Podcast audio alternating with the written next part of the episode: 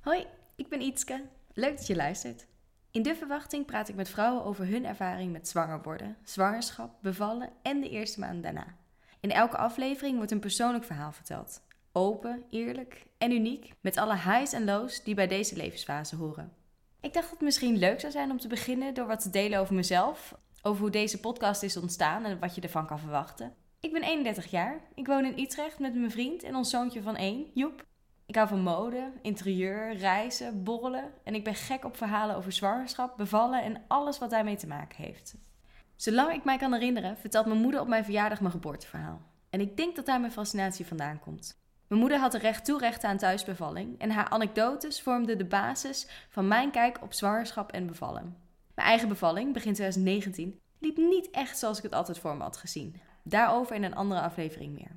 Pas toen ik zelf moeder was geworden, besefte ik wat voor impact het op je leven heeft.